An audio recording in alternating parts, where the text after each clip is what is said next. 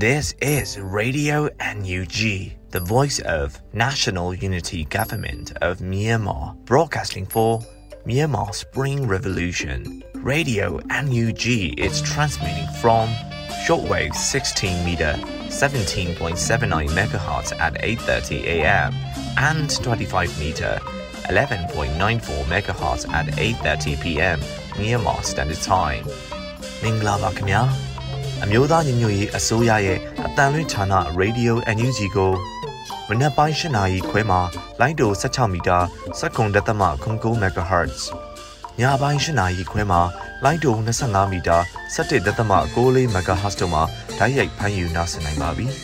မင်္ဂလာအပေါင်းနဲ့ပြည့်စုံကြပါစေအခုချိန်ကစပြီး Radio NUG အစီအစဉ်တွေကိုဓာတ်ရိုက်အတန်လွှင့်ပေးနေပါပြီ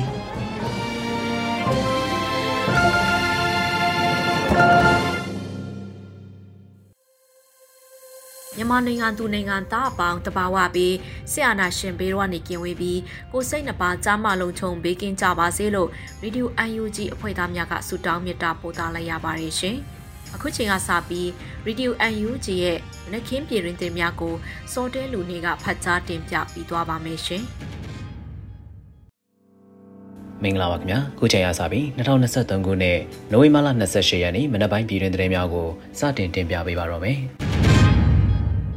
ပထမအဦးဆုံးအနေနဲ့ငြိမ်းချမ်း၍တရားဝပြောတဲ့ Federal Democracy နိုင်ငံသစ်စီတို့မနှင်းအမြန်လှမ်းတက်နိုင်ကြပါစေကြောင်းယာယီသမရစုမုံကောင်းတောင်းလိုက်တဲ့သတင်းကိုတင်ပြပေးသွားပါမယ်။တစောင်းမုံလာပြည့်နေ့မှာငြိမ်းချမ်းတရားဝပြောတဲ့ Federal Democracy နိုင်ငံသစ်စီမနှင်းအမြန်တက်လှမ်းနိုင်ကြပါစေကြောင်းအမျိုးသားညီညွတ်ရေးဆိုရ NUG ယာယီသမရဒူဝါလရှိလာကစုမုံကောင်းတောင်းဆိုလိုက်ပါတယ်။နိုဝင်ဘာလ29ရက်နေ့ညနေမှာယာယီသမရကြီးက၎င်းရဲ့လူမှုကွန်ရက်စာမျက်နှာမှာတဆင့်အခုလိုစုမုံကောင်းတောင်းဆိုပေးလိုက်တာဖြစ်ပါတယ်။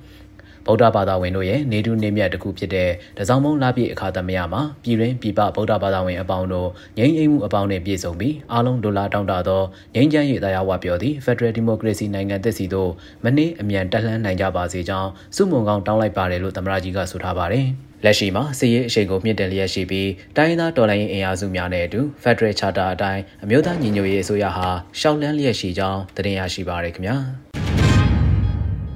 ဆက်လက်တင်ပြပေးမှာကတော့နိုင်ငံခြားရေးဝန်ကြီးဒေါ်စင်မအောင်နဲ့ဒေါန်ဆန်းစုကြည်၏ဂျပန်လူမျိုးတငယ်ချင်းဖြစ်သူ Mrs. Miyashita Natsuo တို့တွေ့ဆုံတဲ့တဲ့ရင်ကိုတင်ပြပေးသွားပါမယ်။အမျိုးသားညီညွတ်ရေးဆိုရာနိုင်ငံခြားရေးဝန်ကြီးဌာနပြည်ထောင်စုဝန်ကြီးဒေါ်စင်မအောင်နဲ့နိုင်ငံတော်တိုင်ပင်ခံပုဂ္ဂိုလ်ဒေါန်ဆန်းစုကြည်ရဲ့ဂျပန်လူမျိုးတငယ်ချင်းဖြစ်သူ Mrs. Miyashita Natsuo တို့အလို့သဘောတွေ့ဆုံခဲ့တယ်လို့အမျိုးသားညီညွတ်ရေးအစိုးရဂျပန်ကိုယ်စားလှယ်ရုံးကသတင်းထုတ်ပြန်ထားပါတယ်။ နိုဝင်ဘာလ23ရက်နေ့ကြာသပတေးနေ့မွန်းလယ်ပိုင်းမှာအလွတ်တဘောတွေ့ဆုံခဲ့တာဖြစ်ပြီးမြန်မာအရေးစိတ်ဝင်စားသူဂျပန်လူမျိုးများသတင်းမီဒီယာများနဲ့တော်ရှိုးအစီအစဉ်တစ်ခုကိုလည်းကျင်းပပြုလုပ်ခဲ့တယ်လို့သိရှိရပါတယ်။တငယ်ချင်းဖြစ်သူမီယာရှိတာနဲ့ Oxford University မှာပညာသင်ကြားနေစဉ်ကခင်မင်ရင်းနှီးခဲ့တာဖြစ်ပြီးဒေါအောင်ဆန်းစုကြည်နဲ့ဂျဲကျုပ်ထိန်းသိမ်းခံရစဉ်ကာလများမှာလည်း၎င်းကဂျပန်နိုင်ငံအတွင်းဓာတ်ပုံပြပွဲမှပြုလုပ်ခါဒေါအောင်ဆန်းစုကြည်လွတ်မြောက်ရေးအတွက်စ조사ခဲ့ပါသေးတယ်။ 2021ခုနှစ်ဆေးအာနာသိမ်းပြီးနောက်ပိုင်းဓာတ်ပုံပြပွဲများအွန်လိုင်းမှာဆူတောင်းပွဲများကိုပြုလုပ်ခါဟေကာရှိဟွန်ကန်ဂျီဖျားကျောင်းမှာအကြီးဆုံးဆရာတော်အိုတာနီနဲ့အတူဂျပန်မိတ်ဆွေများ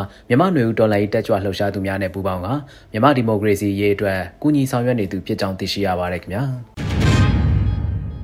အကြမ်းဖက်စစ်ကောင်စီလက်အောက်ခံတပ်ဖွဲ့ဝင်များအားလုံးပြည်သူ့ဘက်ကိုကူးပြောင်းလာဖို့အချိန်တန်ပြီလို့ပြည်ထောင်ဝင်ကြီးဦးလွင်ကိုလက်တိုက်တွန်းပြောကြားလိုက်တဲ့သတင်းကိုဆက်လက်တင်ပြပေးသွားပါအောင်မယ်။အကြမ်းဖက်စစ်ကောင်စီလက်အောက်ခံစစ်သားရဲနဲ့ပြည်သူ့စစ်တပ်ဖွဲ့ဝင်အားလုံးပြည်သူ့ဘက်ကိုကူးပြောင်းလာဖို့အချိန်တန်ပြီလို့ပြည်ထောင်ဝင်ကြီးဦးလွင်ကိုလက်က၎င်းရဲ့လူမှုကွန်ရက်စာမျက်နှာမှာတဆင့်နိုဝင်ဘာလ28ရက်နေ့မှာတိုက်တွန်းပြောကြားလိုက်ပါတယ်။ကိုအသက်နဲ့ဂုံတိတ်ခါအတွက်ကိုမိသားစုနဲ့ကိုနိုင်ငံအနာဂတ်အတွက်ယတိပြတ်ဆုံးဖြတ်ချိန်တန်ပြီးခမရတို့အားလုံးကိုအားလုံးကကြိုးစွနေကြပါတယ်။ခမရတို့အားလုံးပြည်သူ့ဘက်ကိုကူးပြောင်းလာဖို့အချိန်တန်ပြီခမရတို့ရဲ့ဆုံးဖြတ်ချက်ဟာခမရတို့အတွက်ကောပြည်တော်စုကြီးတစ်ခုလုံးအတွက်ကောအရေးကြီးတဲ့ဆုံးဖြတ်ချက်ဖြစ်ပါတယ်လို့ပြည်ထောင်ဝင်ကြီးဦးလွင်ကိုလက်ကရေးသားပြောဆိုထားပါတယ်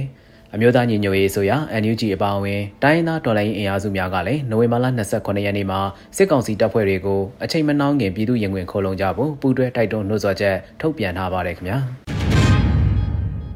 အချိန်မနှောင်းခင်ပြည်သူရင်ခွင်ခုံလုံကြဖို့စစ်ကောင်စီတပ်ဖွဲ့တွေကိုအာမခံချက်၃ချက်ဖြင့် NUG နဲ့တော်လိုင်းအင်အားစုတွေကဖိတ်ခေါ်လိုက်တဲ့တဲ့တင်ကိုဆက်လက်တင်ပြပေးသွားပါဦးမယ်။စစ်ကောင်စီလက်အောက်ခံစစ်တပ်ရဲနဲ့ပြည်သူစစ်တွေကိုအချိန်မနှောင်းခင်ပြည်သူရင်ဝင်ခိုးလုံကြဖို့အာမခံချက်၃ချက်နဲ့အမျိုးသားညီညွတ်ရေးဆိုရ NUG အပါအဝင်ဒေါ်လာရင်းအင်အားစုတွေကနိုဝင်ဘာလ29ရက်နေ့ဒီကနေ့မှာထုတ်ပြန်ချက်နဲ့ဖိတ်ခေါ်ထားတာဖြစ်ပါတယ်။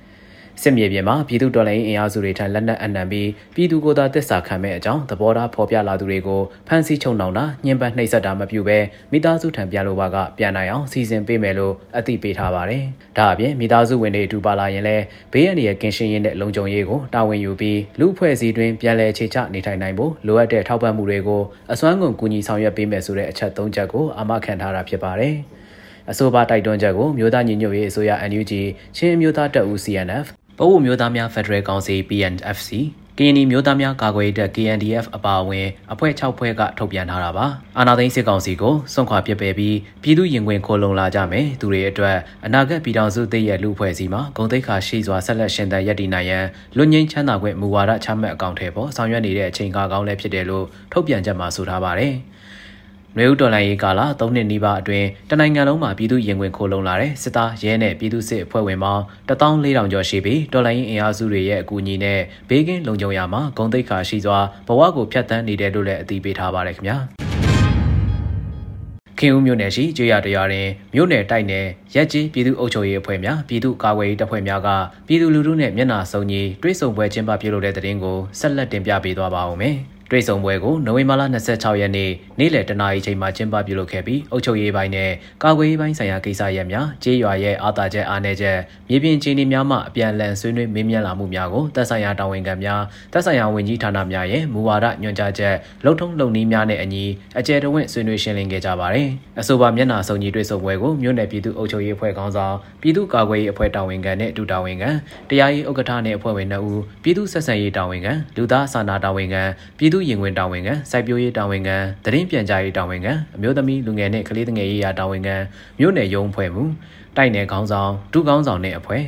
ရဲကြီးပြည်သူ့အုပ်ချုပ်ရေးအဖွဲ့ပြည်သူ့ကာကွယ်ရေးအဖွဲ့များကြေးရွာနေပြည်သူများစုစုပေါင်းအင်အား400ခန့်တက်ရောက်ခဲ့ကြပြီးညနေ9:00နာရီချိန်မှာအောင်မြင်စွာရန်နာခဲ့တယ်လို့သိရှိရပါတယ်ခင်ဗျာ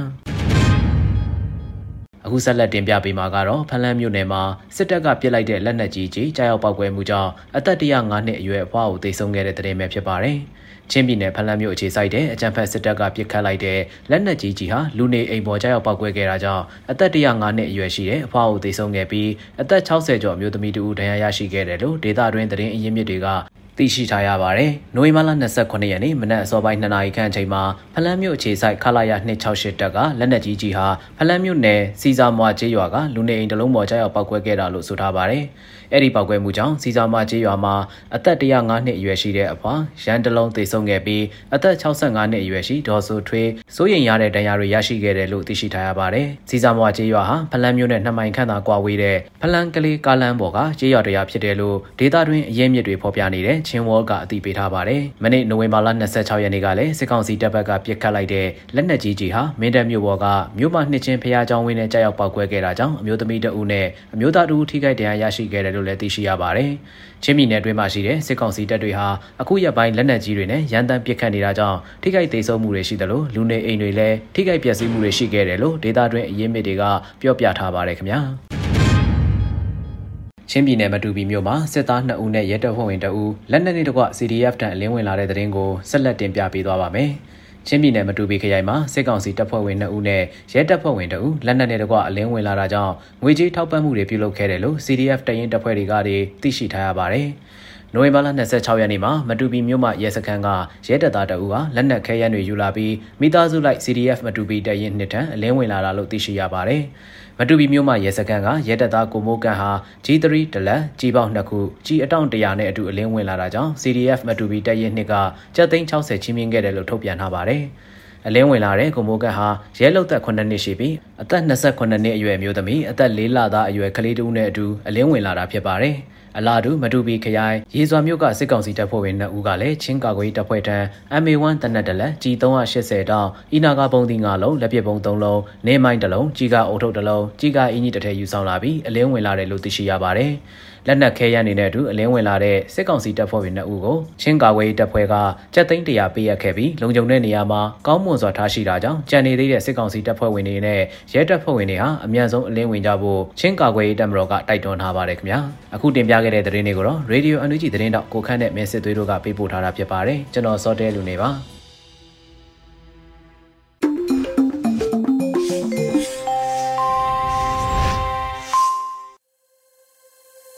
ခုဆက်လက်ပြီးຫນွေဦးယထာဆိုတဲ့တော်လှန်ကဗျာတစ်ပုဒ်ကိုနားဆင်ရမှာဖြစ်ပါတယ်။စောဝေရေးသားထားပြီးလွတ်လပ်ຫນွေဦးကဖတ်ကြားတင်ပြပေးသွားပါမယ်ရှင်။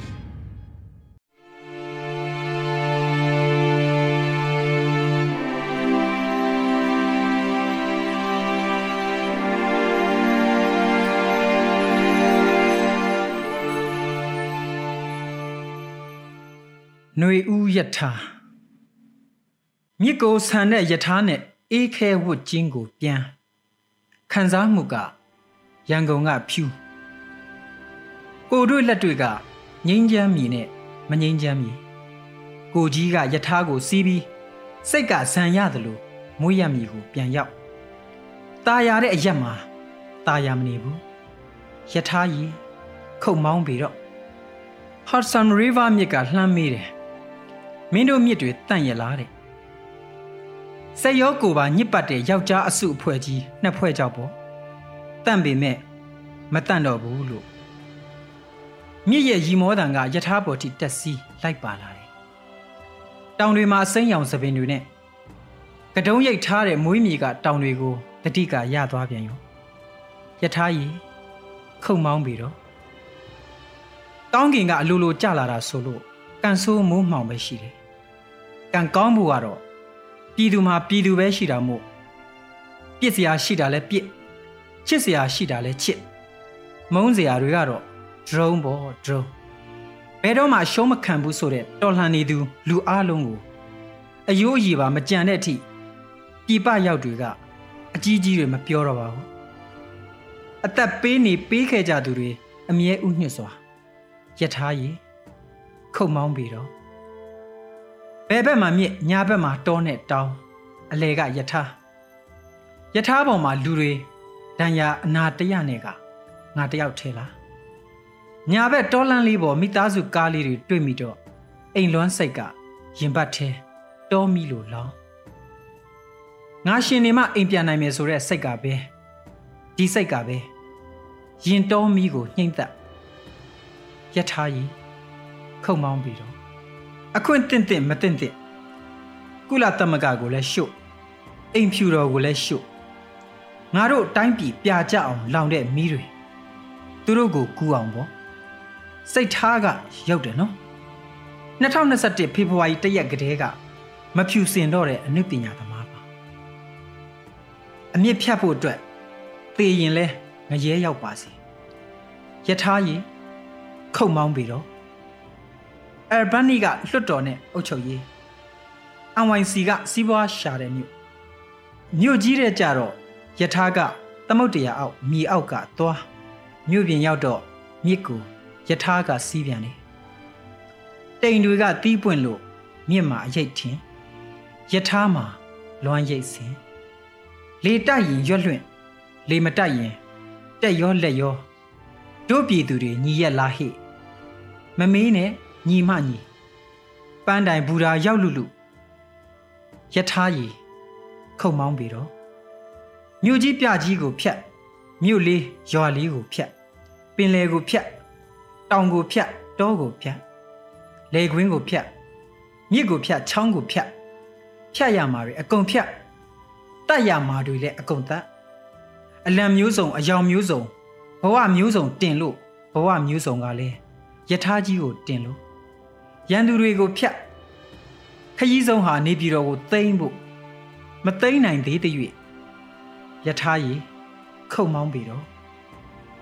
သိမ်းပြီးရင်ရက်တော့နေပြည်တော်သိမ်းပြီးရင်ယထာကြီးရက်တော့ရက်တော့ယထာယထာကြီးရက်လို့ရပြီယထာကြီးရက်တော့ယထာစောဝေ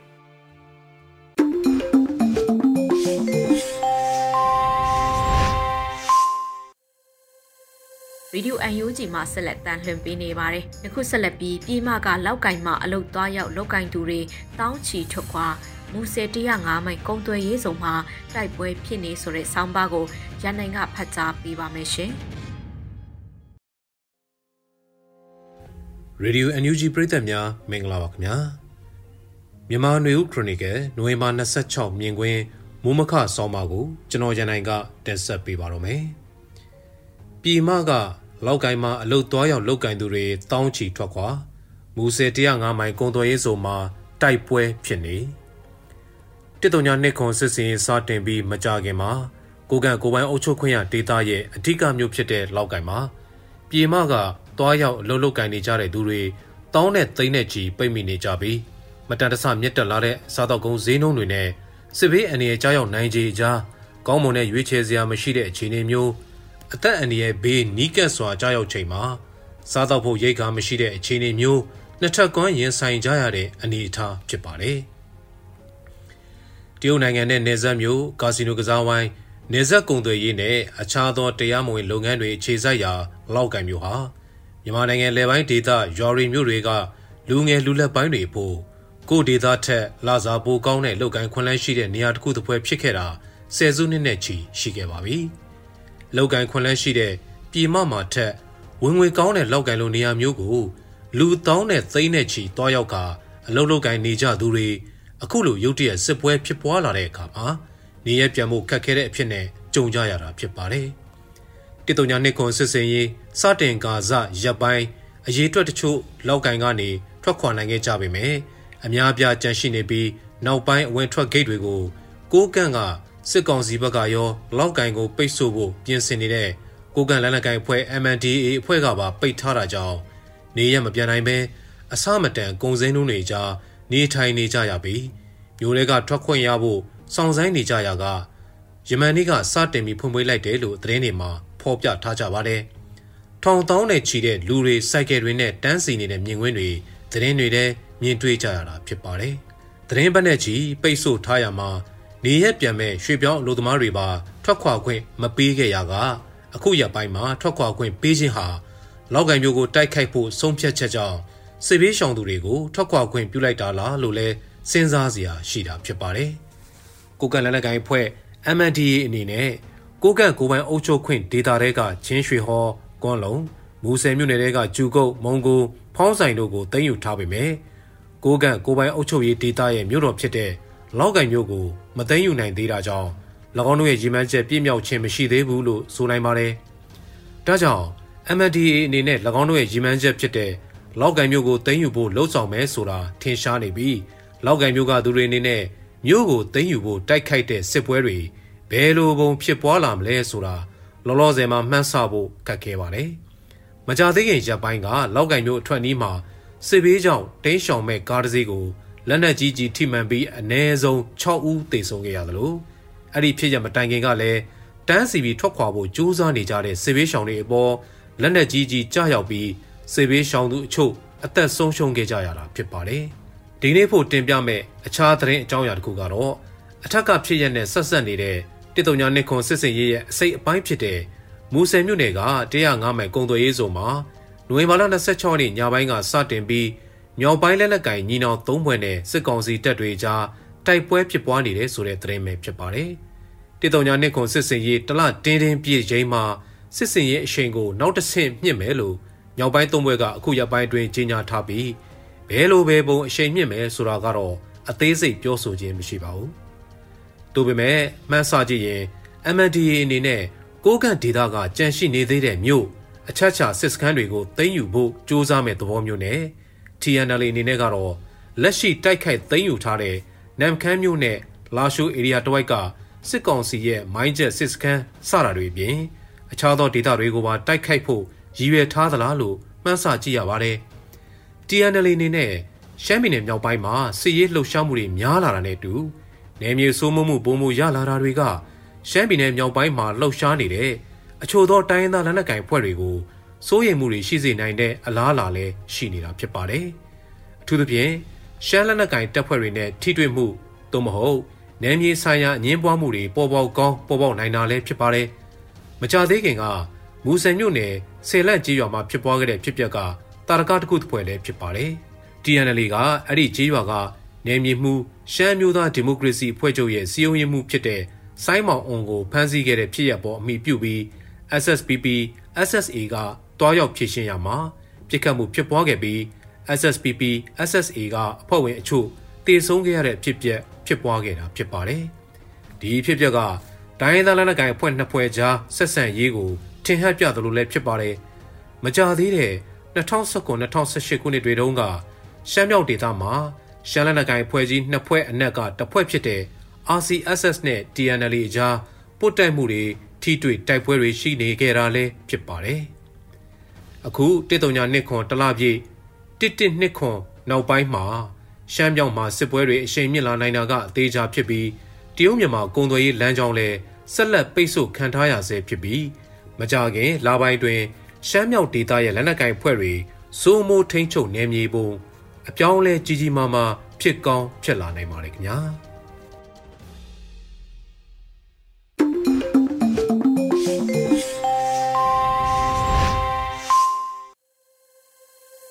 ဆက်လက်ပြီး PPTV ရဲ့နေ့စဉ်သတင်းများကိုနေချီကဖတ်ကြားတင်ပြပေးပါမယ်ရှင်။ကိုချိန်ကစာပြီး PPTV သတင်းတွေကိုတင်ဆက်ပေးတော့မှာပါ။ကျွန်မနေကြပါရှင်။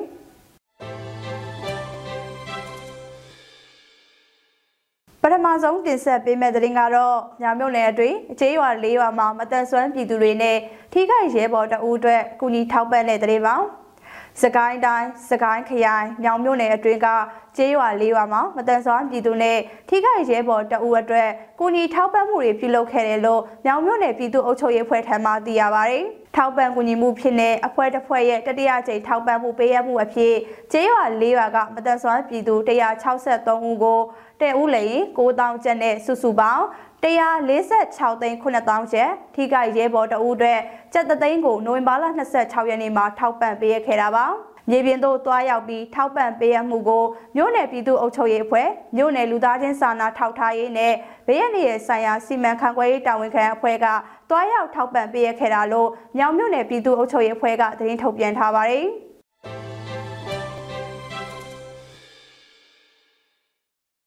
ထပ်မံတင်ဆက်ပေးချင်တာကတော့ one day challenge လှုပ်ရှားမှုကမြို့သားညီညွတ်ရေးဆိုရတဲ့လစဉ်လှူဒန်းသောအမေရိကန်ဒေါ်လာ3သိန်းပေးဖို့လှူဒန်းတဲ့တဲ့မှာ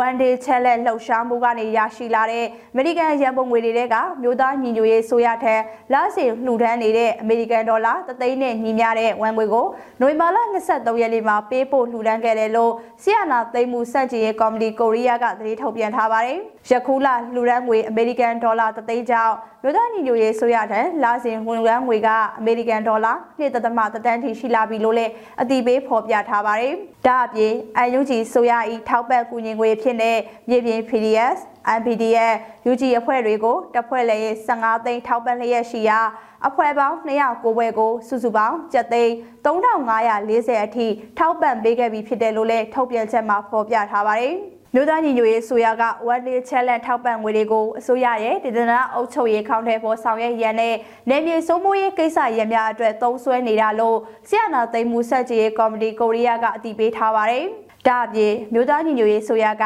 one day challenge member ဝင်တွေရဲ့လစီဝင်ငွေတွေကိုအခွင့်အရေးဖြစ်သတ်မှတ်ခါ6လတခါအခွင့်လက်မှတ်များထုတ်ပေးတာနဲ့12လတခါယာယီသမရကြီးရဲ့မှတ်တမ်းတင်ဂုဏ်ပြုလွှာကိုချင်းမြင်ခဲ့တယ်လို့ထုတ်ပြန်ချက်မှာဖော်ပြထားပါတယ်။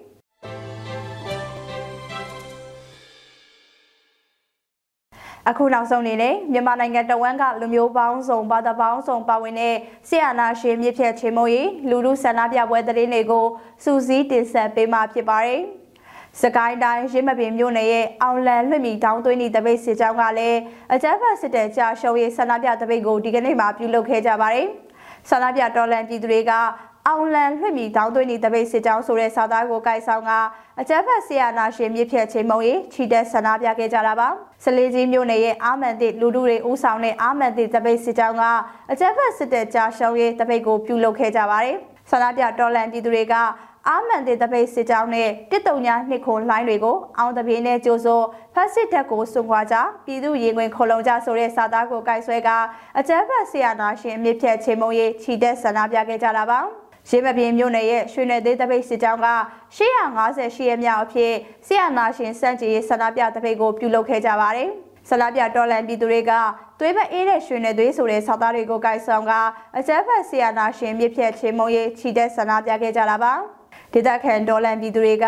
နယ်မြေမငြိမ်သက်မှုတွေကြားတွေကပြီးအကြက်ဖက်စစ်တပ်ကြာရှုံးရေးဆန္ဒပြတပိတ်ကိုနေ့စဉ်ပြုလုပ်နေကြပါတယ်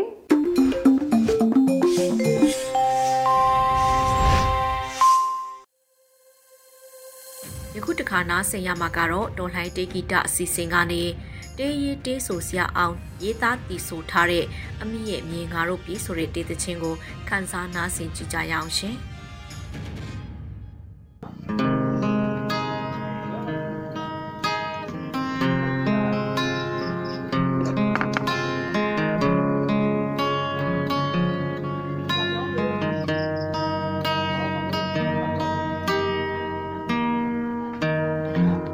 ထားတယ်အောင်ဆန်းရဲ့တွေ့များစွာစီစဉ်နေပြီဟေး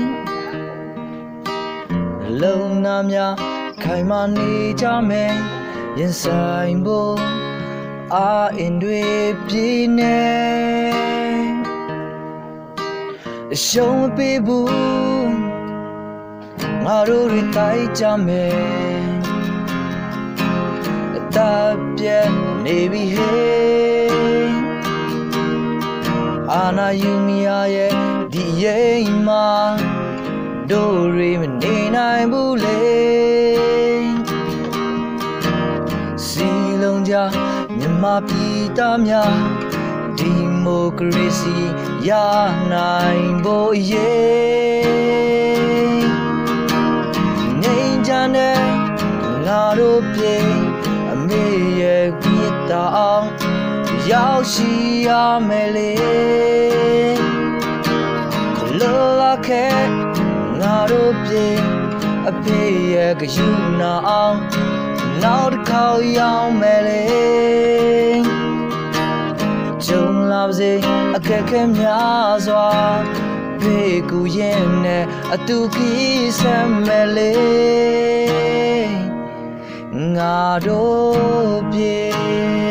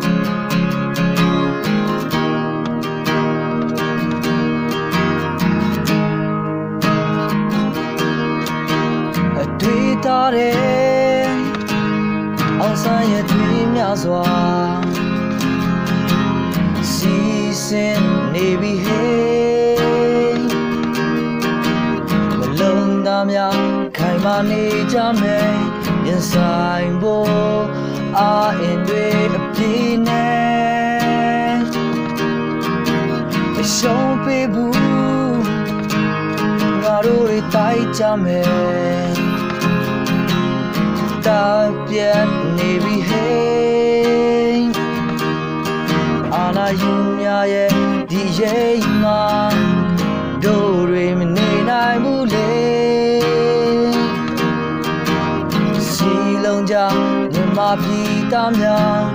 ဒီမိုကရေစီရနိုင်ဖို့ရေးငြိမ်းချမ်းတဲ့ငါတို့ပြေအမေရဲ့မြတ်တာအောင်ရောက်ရှိရမယ်လေ လောလာခဲငါတို့ပြေအဖေရဲ့ပြုနာအောင်နောက်ခေါက်ရောက်မယ်လေဆုံးလာပါစေအခက်ခဲများစွာဘေးကူရင်နဲ့အတူကြီးဆက်မယ်လေ